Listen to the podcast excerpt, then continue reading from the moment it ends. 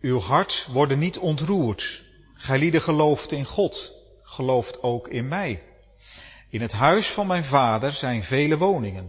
Anderszins, zo zou ik het u gezegd hebben. Ik ga heen om uw plaats te bereiden. En zo, wanneer ik heen zal gegaan zijn en uw plaats zal bereid hebben, zo kom ik terug en zal u tot mij nemen, omdat gij ook zijn moogt waar ik ben. En waar ik heen ga, weet u. En de, en de weg weet u. Thomas zei tot hem, Heere, wij weten niet waar u heen gaat. En hoe kunnen wij de weg weten? Jezus zei tot hem, ik ben de weg en de waarheid en het leven. Niemand komt tot de Vader dan door mij. Indien gij lieden mij gekend had, zo zoudt gij ook mijn Vader gekend hebben. En van nu kent gij hem en hebt hem gezien. Filippus zei tot hem, Heere, toon ons de Vader en het is ons genoeg. Jezus zei tot hem, ben ik zo'n lange tijd met u lieden en hebt gij mij niet gekend, Filippus? Die mij gezien heeft, die heeft de Vader gezien. En hoe zegt u, toon ons de Vader? Gelooft u niet dat ik in de Vader ben en de Vader in mij is? De woorden die ik tot u lieden spreek, spreek ik van mijzelf niet, maar de Vader die in mij blijft, dezelfde doet de werken. Jongens en meisjes, iedereen van ons is wel eens heel erg verdrietig. Jullie vast ook wel eens. Iedereen van ons schrikt wel eens, heel erg. Want er kunnen ineens wel die nare dingen gebeuren. Die je bang maken. Je denkt, wat gebeurt er toch? En wat gaat er straks allemaal nog meer gebeuren? Ineens hoor je van een nieuw soort griep, van het coronavirus. En je voelt je, want je begrijpt het allemaal niet, er worden zoveel dingen over gezegd. Je voelt je van binnen misschien wel een beetje bang. En een beetje bezorgd. Wat zou er nou gaan gebeuren?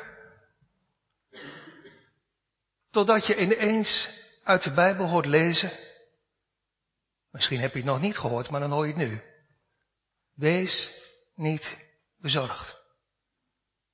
Want? Want de Heere zorgt. Dat betekent niet per se dat je niet ziek kan worden. Dat betekent al helemaal niet dat je niet, niet meer moet luisteren naar wat de mensen tegen je zeggen. Dat je handen moet wassen en dat je niet zomaar in het wilde weg moet hoesten. Dat betekent het allemaal niet. Maar dat betekent wel dat de Heere altijd zorgen wil. Als de enige hemelse dokter. Die altijd voor iedereen, ook voor jou, voor jullie, bereikbaar is. In het Bijbelgedeelte wat we gelezen hebben uit Johannes 14 komen we ook bezorgde, bange, verdrietige mensen tegen. Het zijn de discipelen. Ze voelen zich naar. Waarom voelen ze zich naar? Ja, want dat woord naar is eigenlijk beter dan bezorgd, want het is meer. De Bijbel zegt, hun hart is ontroerd. Betekent dat? Ontroerd, beroerd, aangeraakt, in beweging gebracht zoals je met je vinger kunt roeren in het, in het water van een vijver of van een sloot, met als gevolg dat het water ineens ontroerd wordt, het wordt ondoorzichtig, het wordt troebel, want er komt modder naar boven. Je kunt er niet meer doorheen kijken. Ontroerd betekent een mix, een mengeling van gevoel. Want de discipelen zijn als eerste verdrietig. Want de Heer heeft gezegd, ik zal heen gaan. Ik zal van jullie vertrekken. En, en dat heeft ze nog verdrietiger gemaakt, ik zal moeten lijden en moeten sterven. Ze voelen zich verdrietig. Ze voelen zich ook beschaamd. Want daarnet waren ze te trots, te egoïstisch om, om de voeten te wassen van elkaar en dus heeft de Heer Jezus dat voor hen gedaan. Ze voelen zich verdrietig, ze voelen zich beschaamd, ze voelen zich ook geraakt. Zoals jullie jongens en meisjes aan tafel thuis geraakt voelen, als je ziet aan tafel dat mama of papa verdrietig is of, of bang is, zo voelen zij zich ook. Want zij hebben het net ook gezien, het staat in het vorige hoofdstuk, dat de Heer Jezus ontroerd werd in zijn geest, denkend aan het komende lijden. Ze voelen zich, het is een mix, het is een mengeling van gevoel. Ze voelen zich verdrietig, beschaamd, ze zijn geraakt en ze voelen zich van binnen ook verward, perplex, geschokt. Want Heer Jezus heeft gezegd, één van jullie zal mij verraden. En, Petrus, jij zal mij verloochenen. Ze voelen zich verward en geschokt. En, ja, dat is nog het ergste, hun geloof wankelt. Je kunt het wel begrijpen. De Heer Jezus, denken ze, is toch de Messias. Hij is toch de zaligmaker. Daarom zijn we hem toch gevolgd. Maar hoe kan dit dan nu allemaal? Ja, want zij weten nog niet wat wij wel weten, hoe het allemaal gegaan is. Zal, zal dan de Messias, zal de zaligmaker dan verraden worden? Zal die dan echt moeten lijden en sterven? Ze raken er helemaal van in de war. Hun hart is ontroerd. En daartegen, tegen ontroerde harten van discipelen, is maar één medicijn. Anders is er niets wat helpt. Eén medicijn, namelijk het woord van de Heer. En daar gaan we nu samen met elkaar vanmiddag opnieuw naar luisteren. Naar het woord van de Heer, nu vanuit Johannes 14, vers 1 tot en met 3. Ik lees u voor, het is het woord van God, de eerste drie versen van Johannes 14, waar de Heer zegt, uw hart worden niet ontroerd. Gij lieden, u gelooft in God, geloof ook in mij. In het huis van mijn vader zijn vele woningen. Anderszins zo zou ik het u gezegd hebben. Ik ga heen om uw plaats te bereiden. En zo wanneer ik heen zal gegaan zijn en uw plaats zal bereid hebben, zo kom ik weder en zal u tot mij nemen, opdat gij ook zijn moogt waar ik ben. Tot zover de tekst voor vanmiddag. Het thema van de preek is hemelse medicijnen voor de ontroerde harten van de discipelen. Hemelse medicijnen voor de ontroerde harten van de discipelen. En als we goed lezen, dan zien we vijf dingen. Dan zien we dat het gaat om vijf medicijnen, om vijf troostvolle woorden van de Heer Jezus. Waarvan ik hoop en bid dat ze ook vanmiddag voor discipelen van de Heer tot troost mogen zijn. We gaan die woorden één voor één met elkaar overdenken. Beginnen bij het eerste woord. Dit is het eerste woord, het eerste medicijn uit de mond van de Heer. Zijn woord voor hun ontroerde hart in vers 1. Uw hart worden niet ontroerd.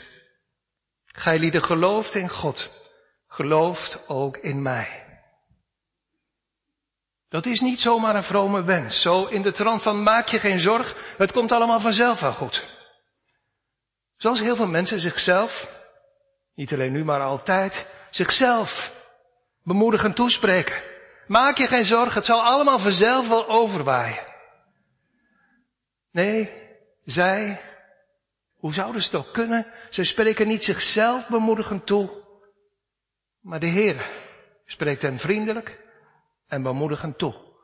Zoals papa en mama jullie ook vriendelijk toespreken als je verdrietig of bang bent. Zo doet de Heer Jezus het hier ook. Uw hart worden niet ontroerd. Dat we zeggen, laat uw hart, jullie hart niet langer onrustig en verward zijn. Wees niet bezorgd, discipelen, want de Heer zorgt. Hij zal raad geven. Zijn oog rust op u. Hij ziet uw verwarde harten, discipelen ook in houten.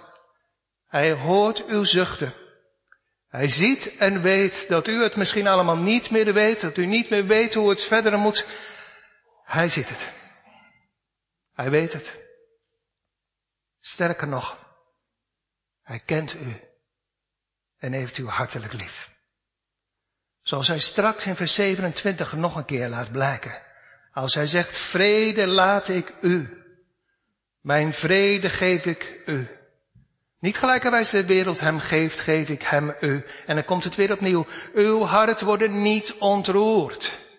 En zijt niet versaagd. Wees niet bang Wees niet moedeloos. Hier ziet u gemeente, zoals op zoveel andere plaatsen in de Bijbel, dat het hart van een discipel, van een kind van God, van zichzelf, geen rots in de branding is. Het hart van een discipel, of discipelin, kan zo ontroerd, zo verward, zo paniekerig zijn, zo verdrietig, zo ontroostbaar, zo vol van strijd en aanvechting en twijfel, zo vol van vragen. Ook in deze week van voorbereiding, hoe moet het toch? Hoe moet het toch verder? Amos, de profeet, noemt mensen, en dan heb ik het over het tegenovergestelde, die zichzelf bedriegen. Hij noemt de huigelaars de gerusten in Sion en de zekeren op de berg van Samaria. Ze kunnen altijd geloven. Kennen geen strijd, geen twijfel. Geen aanvechting, geen nood. Ze zijn altijd gerust en zeker. Ze hebben, zegt de dichter van Psalm 73, geen banden tot hun dood toe. Maar de echte volgelingen van Jezus zijn anders. En ik denk dat niemand van de oprechte discipelen van de Heer zichzelf beter en sterker en groter voelt dan deze twaalf, dan deze elf, die met Jezus zijn omgegaan. Echte discipelen van Jezus zijn anders, hun hart is vaak zo verward. Zoals hier voor het aanstaande lijden en zoals straks ook na de opstanding. Maar zij hebben wij hebben zo'n lieve en zorgzame meester. En hij zegt vol van hartelijke liefde tegen ze, uw hart worden niet ontroerd. U gelooft in God. Geloof ook in mij. Laat uw hart, dat staat er eigenlijk, toch niet langer ontroerd blijven. Dat zegt de Heer ook tegen u, medediscipelen hier in Houten wankelend, bezorgd, vol van twijfel en strijd, laat uw hart niet langer ontroerd blijven. U gelooft in God, of beter gezegd, iets anders gezegd, blijf geloven in God, blijf vertrouwen in God. Zeg tegen uw ziel, Psalm 42, wat bent u onrustig in mij, o mijn ziel, hoop op God. Richt uw troebele en verduisterde oog toch op God, die krachtig bevonden is, een hulp in benauwdheid, een sterkte en toevlucht in dagen van benauwdheid. U gelooft in God, geloof ook in mij. God is de onzichtbare. Jongens en meisjes, niemand van ons kan God met zijn eigen ogen zien. Dus zegt de Heer Jezus, jullie discipelen geloven in de onzichtbare God. Je weet het, je gelooft het, je vertrouwt het. Hij zorgt. Zijn oog rust op ons. Geloof dan ook in mij. Ook als ik zometeen heen ga. Om te lijden en te sterven en jullie mij voor een tijdje niet meer zullen zien. Leer geloven, discipelen. Ook hierin houdt. Ook al zie je de liefde op mijn gezicht niet meer. Lees dan toch door dit mijn woord de liefde in mijn hart. Geloof, vertrouw. Dat wil zeggen, geef je met al je ellende en met al je twijfel en ongeloof aan mij over. Verlaat u op mij. Steun op mij.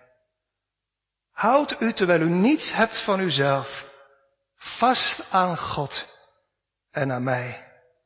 Zeg met de dichter, ik steun op God mijn toeverlaat, dus heb ik niets te vrezen. Dat is het eerste woord. Het eerste medicijn voor een ontroerde hart. Gij, lieden, gelooft in God, geloof ook in mij. En het tweede medicijn. In het huis van mijn vader zijn vele woningen. Anderszins, zo zou ik het u gezegd hebben. In het huis van mijn vader. Dus in de hemel. Het is, jongens en meisjes, alsof de Heer Jezus aan die discipelen in al hun onrust en verwardheid en verdriet een soort van verrekijker geeft. De verrekijker van het geloof, waardoor je ver kunt kijken naar een, zoals de Bijbel dat noemt, een vergelegen land. Naar de hemel. Hier, Petrus, hier, Thomas, Johannes, hier, kijk eens, door de verrekijker van het geloof, ja, ik weet het. Betraande ogen en een betroebeld gezicht maken het moeilijk om te kijken, maar toch kijk eens, kijk iets meer omhoog. Naar het huis van mijn vader.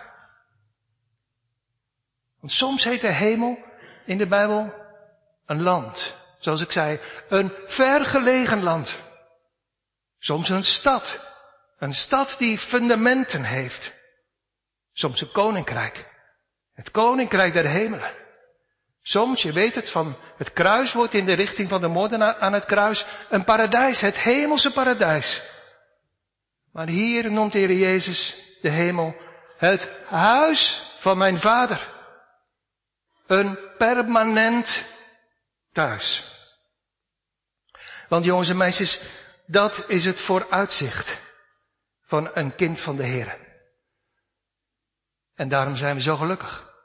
Hier op de aarde, als we met de Heer leven en Hem nodig hebben, maar ook vanwege dat vooruitzicht wat de Heer aan ons gegeven heeft. Als je de Heer dient en lief hebt in je hart, als je een nieuw hart van de Heer gekregen hebt, als je voor de vergeving van al je zonde en schuld alleen maar vertrouwt op het bloed van de Heer Jezus Christus, dan laat de Heer ook jou en ook u ouderen vanmiddag meekijken.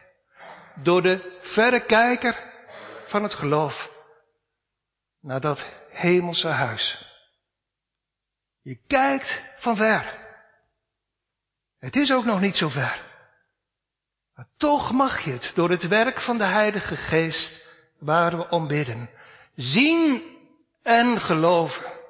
Dit is, dat is de troost in de woorden van de Heer Jezus Christus.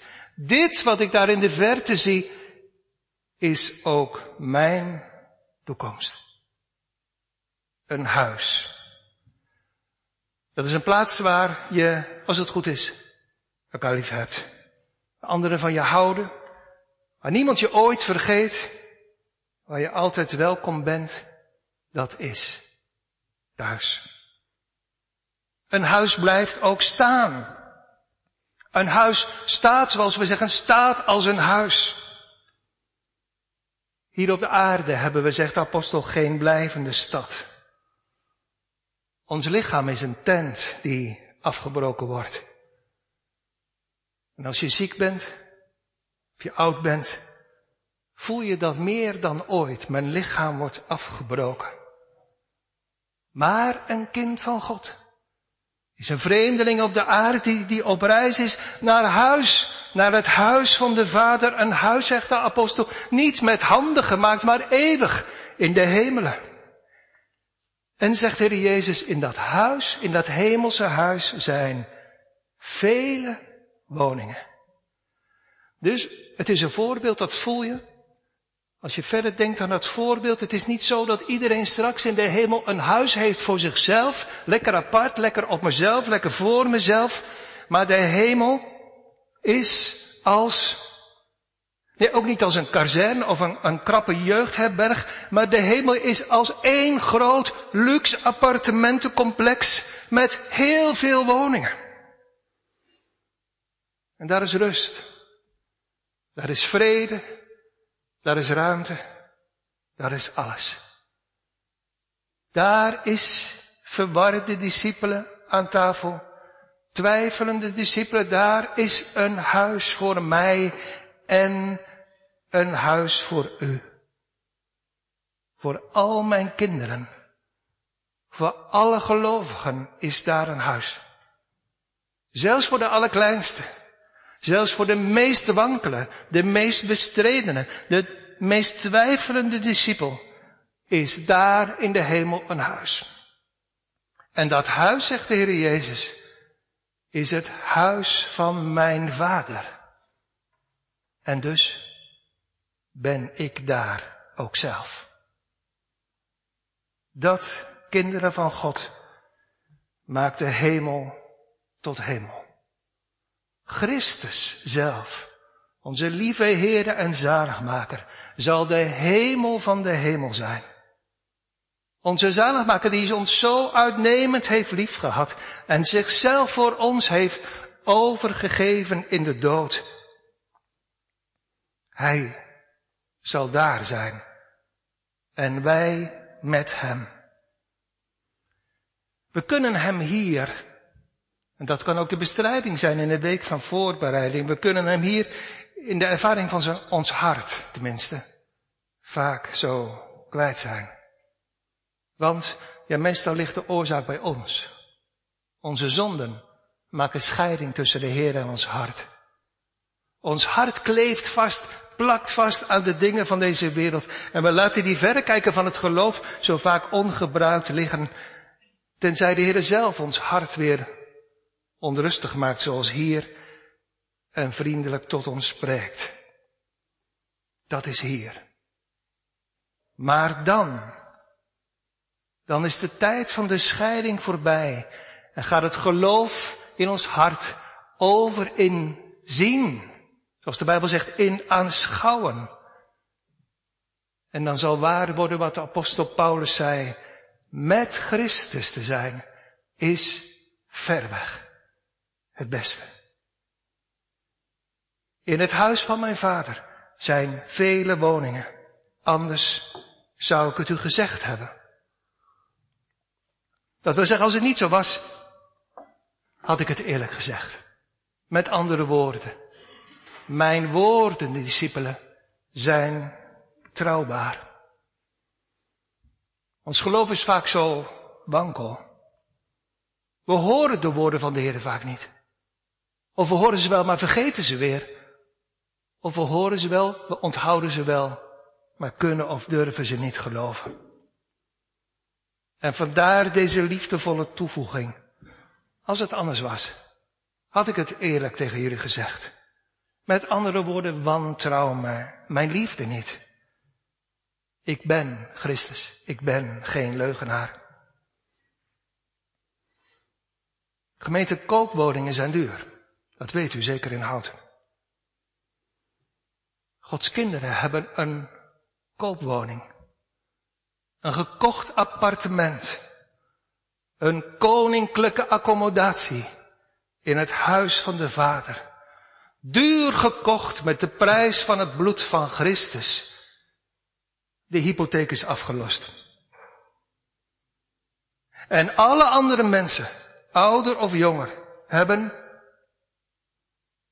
wat hebben die eigenlijk? Alleen die, die tent, die tijdelijke huurwoning, waarvan de huur nog even doorloopt, kort of lang, totdat die voorbij is. En dan? Geen huis in de hemel.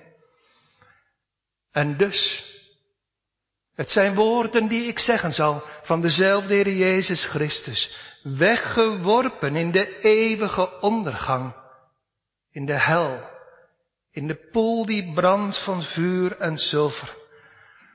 Lieve mensen, grotere tegenstelling is ondenkbaar. Pak de verrekijker ook eens aan.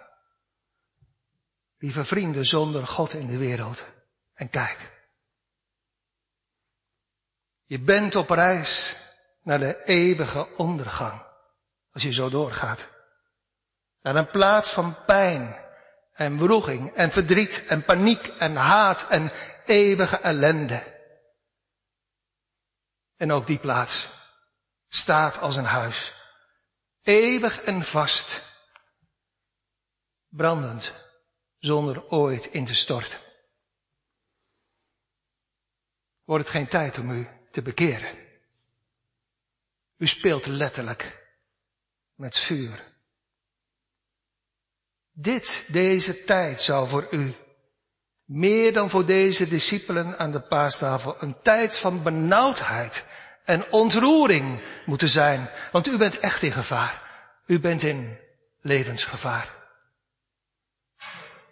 Vraag toch, beste vrienden, of de Heer u dat zal laten zien. En roep hem aan in de dag van de benauwdheid. Als u de naam van de Heer zult aanroepen, als u met al uw zonde en ellende tot Jezus zult vluchten, zult u zalig worden. Maar zo niet, uw tent vergaat en uw huis zal branden, niet uit te blussen. God mogen zich ontfermen over uw ondergaande ziel. We gaan zingen tot waarschuwing voor u. Psalm 11 vers 3 en tot troost van oprechte discipelen. Psalm 11 vers 4. Psalm 11 vers 3 daarbij zo goed. God beproeft wel eens de oprechten en tuchtigt hen, maar elk die het kwaad bemint, die met geweld zijn naaste durft bevesten, bevechten, blijft steeds gehaat tot hem de wraak verslindt. Woorden van waarschuwing in Psalm 11 vers 3 en woorden van troost in Psalm 11 vers 4.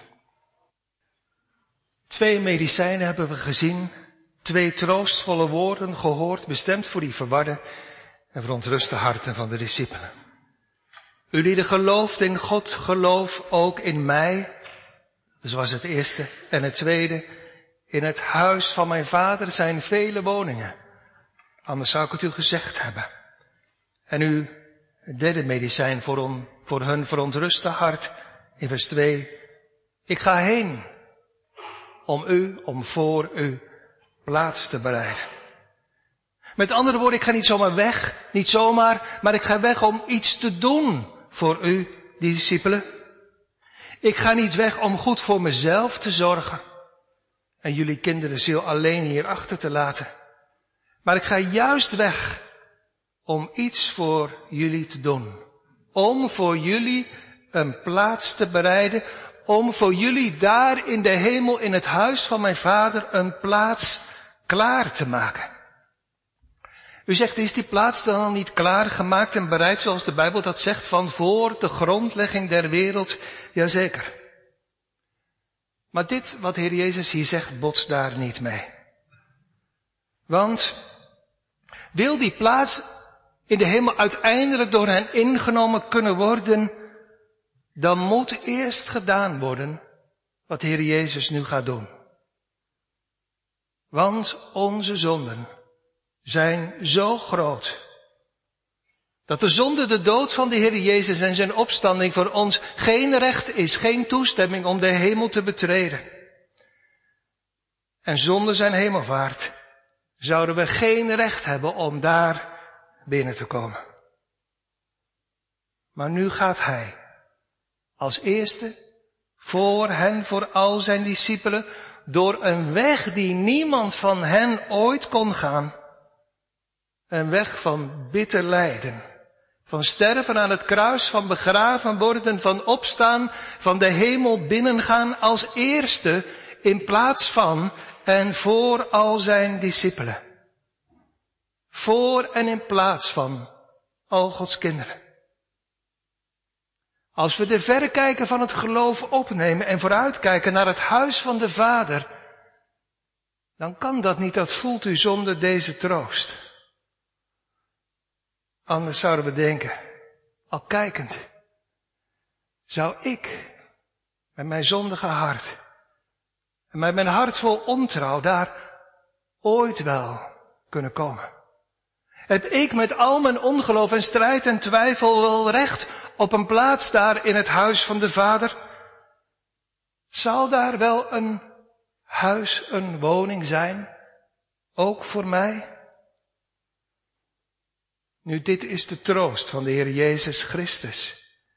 Ik ben heen gegaan door de weg van lijden en sterven en begraven worden, door de weg van opstanding en hemelvaart als eerste om zelf daar voor u, discipelen, mijn kinderen, een plaats klaar te maken. Ik heb een huis gekocht voor u, met de prijs van mijn bloed, ik heb voor u het recht gekocht om daar binnen te mogen gaan. Ik heb letterlijk als hoge priester uw naam op mijn borst gedragen, binnengedragen in het hemelse heiligdom. En dus, met andere woorden, mijn lieve kinderen, als u straks na uw dood de hemel zult binnengaan, dan zult u merken, ik ben hier niet onbekend. Ik kom hier in de hemel niet onverwacht. Mijn komst is voorbereid. Ik werd hier verwacht. En in de tussenliggende tijd, dat u hier op de aarde bent, zegt de Heer, zal ik ook uw hart klaarmaken. Door mijn Heilige Geest om straks daar binnen te kunnen gaan. In de aanwezigheid van de Heilige God. Daarom al die moeite en al dat verdriet. Al die verdrukkingen en tegenspoed in het leven van Gods kinderen. Om ons te heiligen. Om dat wat van ons is af te breken. Opdat Christus een gestalte in ons zou krijgen. En weg van afbraak van onszelf. In geestelijke zin. Totdat het genoeg is. En dan zegt de Heer, dan haal ik u thuis. Hoe moet het straks? Nog een keer, lieve vrienden, met u.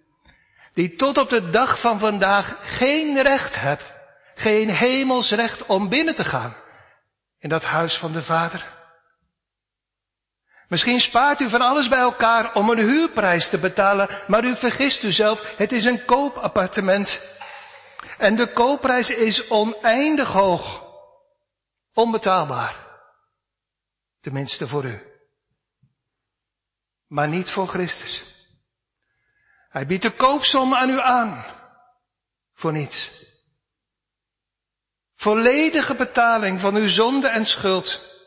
Nooit eerder hebt u zo'n groot aanbod ontvangen. Als u nu, en zo vaak in het verleden, van deze plaats is aangeboden. En ik vraag u, beste vrienden, in alle oprechtheid, geef eerlijk antwoord. Waarom hebt u tot nu toe de overeenkomst geweigerd? Ik bedoel deze overeenkomst. Een huis in de hemel zonder prijs. En een plaats bij Christus zonder geld. Uit genade. Voor niets. Ik kan het niet begrijpen. En ik wil het ook niet begrijpen. Hoewel ik het begrijp als ik denk aan mijn vroegere hart. Genade wordt u aangeboden. Vergeving van schuld en een eeuwig leven bij God. En u zegt, ik wil het niet. Houd het maar voor uzelf. Aan de kennis van Gods wegen heb ik geen lust. Lieve vrienden, verhard je hart toch niet. Maar laat je leiden. Er is een gewillige zaligmaker. Die alles heeft en geven wil. Echt uit genade. Voor niets. Kom dan toch tot hem. Met niets. Dan alleen maar zonde en schuld en verlorenheid. Erken wat u gedaan hebt. En vlucht tot Christus om redding en behoud. Wie hem aanroept in de nood, vindt ongetwijfeld, absoluut zeker, zijn gunst oneindig groot. Een vierde medicijn. Een vierde troostvolle woord voor een verontrust, angstig, twijfelmoedig hart. Zo wanneer ik heen zal gegaan zijn, het hebben we gezien, dan zal ik uw plaats bereid hebben en dan kom ik terug. Zo kom ik weder. Zoveel als u mist, als u zonder God leeft en zonder Christus leeft, zoveel hebben Gods kinderen gekregen van de Heer. In alle zwakheid van ons geloof, in alle twijfel die er kan zijn, in moeite, in kruis, in verdriet, hebben we iets wat niemand van de wereld ons ooit kon en kan geven. Maar wat niemand ons ook ooit kan afnemen. Een unieke, een enige troost in leven en in sterven. We hebben een getrouwe, een betrouwbare zaligmaker. Die niet is weggegaan bij zijn hemelvaart om nooit meer terug te komen. Maar zoals een trouwe bruidegom in liefde en trouw zijn bruid nooit vergeet en altijd zal terugkomen van zijn reis, zo ook hij. Ik kom weder. Ik kom terug.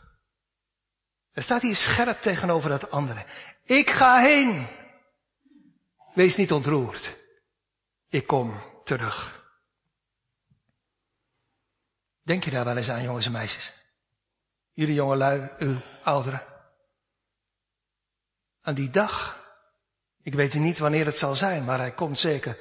Aan de dag dat de Heer Jezus zal terugkomen. Op de wolken van de hemel. Paulus schrijft aan de Thessalonicensen dat zal zijn met een geroep, met de stem van de archangel van de aartsengel en met de bezuin gods zal hij neerdalen uit de hemel.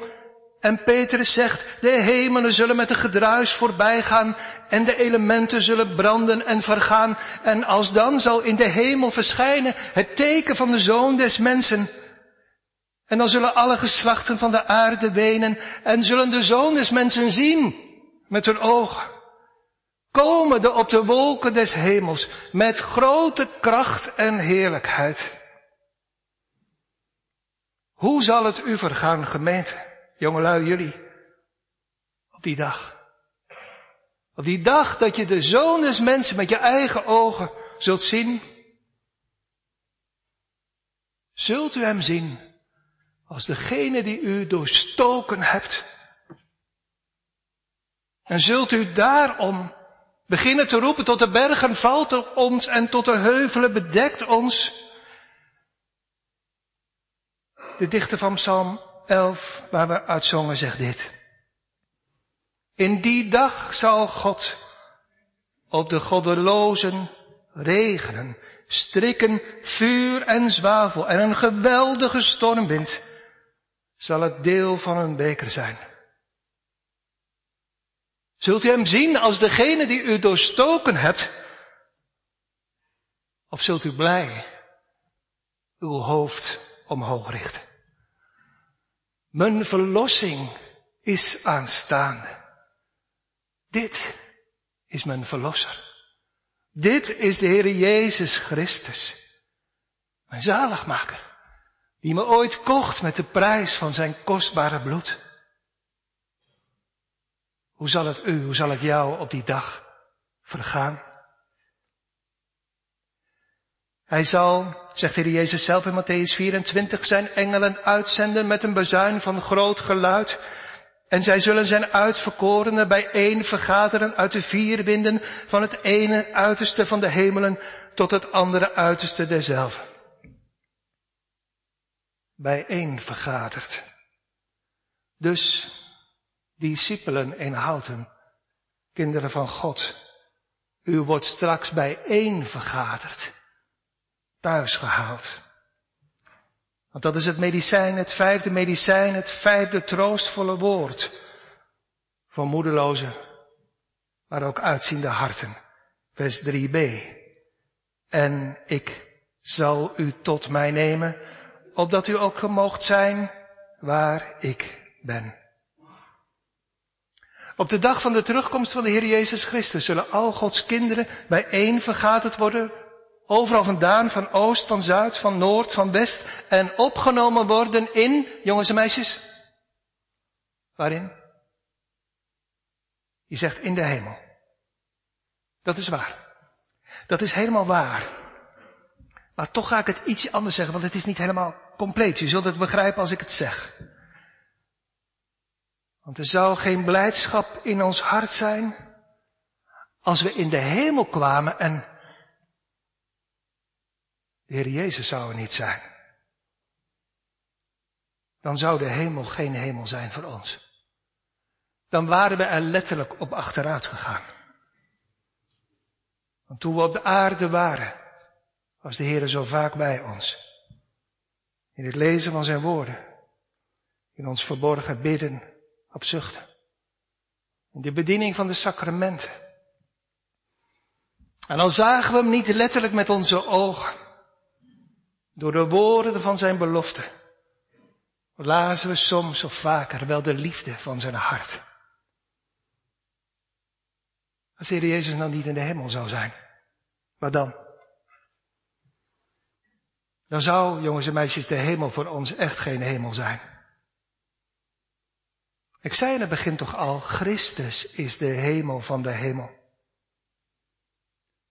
Dus gelukkig. De Heer Jezus zegt niet goed lezen. Ik neem u op in de hemel. Hij zegt het iets anders. Hij zegt, ik zal u tot mij nemen. Wat schittert gemeente daar in de liefde van Christus. Voor al zijn discipelen. Voor al zijn kinderen ook hier. Er zal straks in de hemel, geliefde mede-christenen, niet een koud welkom zijn, niet een zomaar binnenwandelen in een vreemde plaats, maar er zal een innige omhelzing zijn. Christus zal ons, kijkt u daar niet naar uit? Verlangt u daar niet naar? Christus zal ons met liefde omhelzen. En een vermoeide bruid zal rusten aan het hart van een liefhebbende bruidegom. Letterlijk, tot hem genomen. Eeuwige rust in blijdschap, in liefde, in eeuwige verwondering. U, o mijn liefste, bent blank en bent rood en nu draagt u de banier boven tienduizend. Alles, o mijn heren en zaligmaker, wat aan u is, is gans begeerlijk. U hebt ons goden gekocht met uw bloed. Kinderen van God laten we veel bij onszelf, biddend, lezend in het woord, overdenkend, mediterend ook denken aan dit blijde vooruitzicht. Vol van verzadiging van vreugde. Voor Gods aangezicht. Hier was ons hart zo vaak onrustig. Daar zal rust zijn aan het hart van Christus. Hier was het vaak zo donker en zo duister. Daar zal het altijd licht zijn. Het licht van Gods vriendelijke aangezicht zal tot ons stralen van het gezicht van Christus. Hier was verdriet. Hier waren tranen. Daar worden ze afgeveegd met een zachte doek. Hier was treuring en zuchting. Maar de apostel zegt, daar zullen die wegvluchten. We zullen, en wordt u niet klein en verbaasd in uw gedachten. Maar veert uw hart in geestelijke zin ook niet op van blijdschap en hoop in de vaste wetenschap. We zullen, het is vast en zeker, want de Heer heeft het gezegd, we zullen verhoogd worden. Eerst is Christus verhoogd door een weg van kruis en lijden. Maar na deze eersteling mogen we Hem, discipelen volgen hun meester, mogen we Hem uiteindelijk op Gods tijd ook volgen. Door een weg van kruis en lijden verhoogd. Verhoogd tot de eeuwige gemeenschap. Bevorderd tot de eeuwige omgang met de zaligmaker. Die het beeld is van de onzienlijke eeuwige God. In wie al de volmaaktheden van de drie enige God ons voor eeuwig zullen beschijnen. Nog één keer roep ik in uw gedachten onbekeerde vrienden het woord van Jezaja in herinnering. Wat dan, en u zult voelen het is weer een uiterste tegenstelling, wat dan op die dag definitief vervuld zal zijn. Hij zegt in Jezaja 33, de zondaars in Sion zijn verschrikt. Beving heeft de huigelaars aangegrepen. Ze zeggen, wie is er onder ons die bij een verterend vuur kan wonen? Wie is er onder ons die bij een eeuwige vloed, gloed kan wonen? Beste vrienden, wees eerlijk, je wil bij God wonen. Je wil in de hemel wonen bedoel ik, maar niet bij God. En dat is je ellende. Je bent zonder God. En je wilt ook niet met God leven. En dus als je zo doorgaat, en ik bedoel dat als oprechte waarschuwing, pas je straks niet bij God. En ook niet in de hemel. Johannes schrijft in openbaring 21, in haar in de hemel zal niet inkomen, binnenkomen, iets dat ontreinigt, dat gruwelijkheid doet en leugen spreekt, maar alleen zij die geschreven zijn in het boek des levens des lams. Je wil niet alleen niet met God leven, maar je kan en mag, als je zo doorgaat, straks ook niet bij God wonen.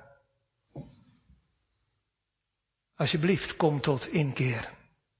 Voordat je zoals Jezaja zegt, verschrikt zult worden. Voordat uw knieën zullen knikken. En u beven zult.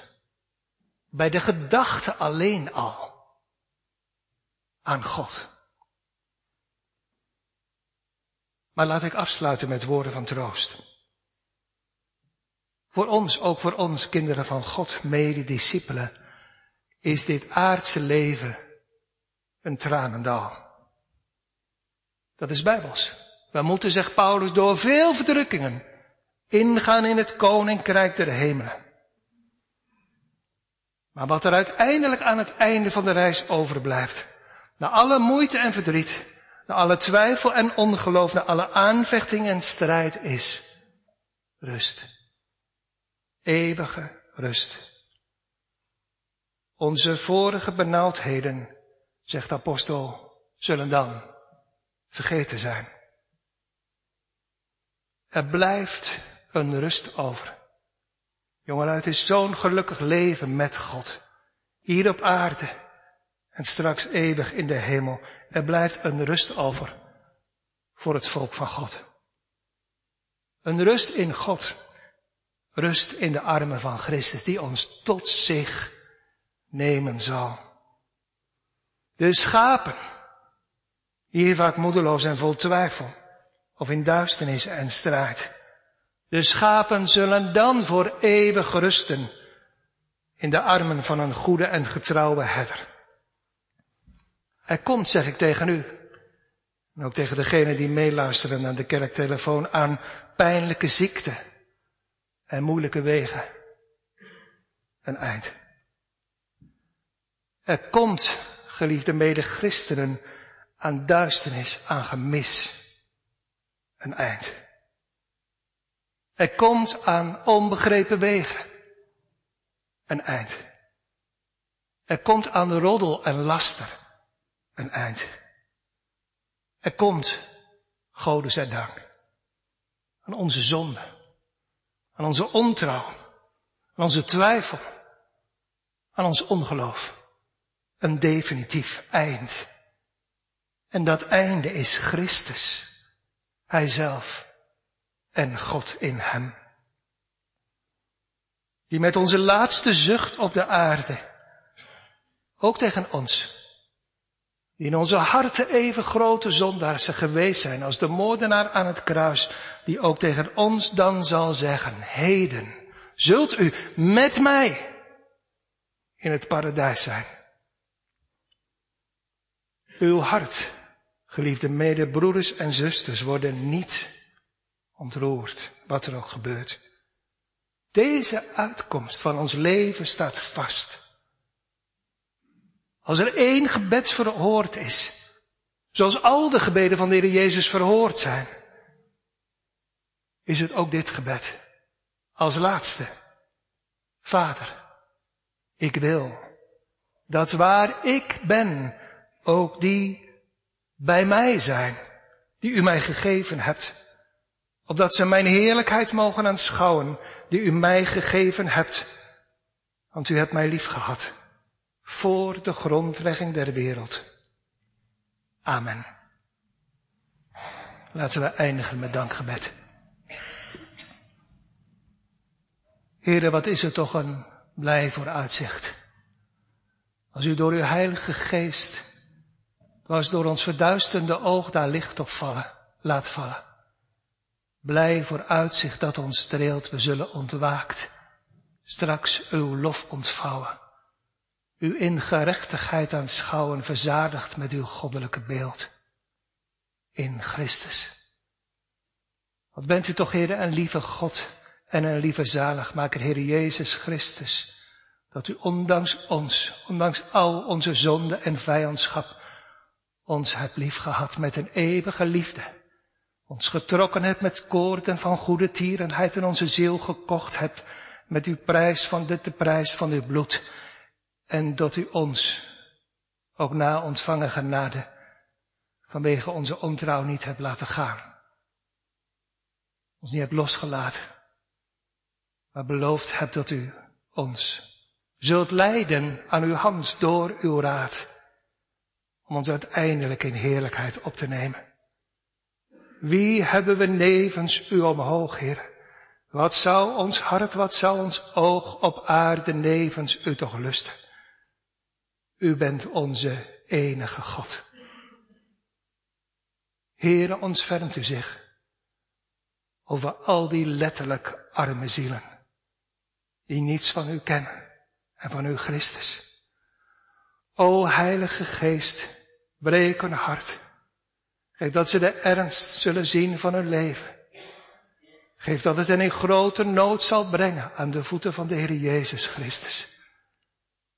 Laat niemand van ons, Heer, uiteindelijk voor eeuwig omkomen. Red onze zielen van het verderf. Dank u, Heer, dat we in de stilte van deze middag hier samen mochten zijn in de kerk.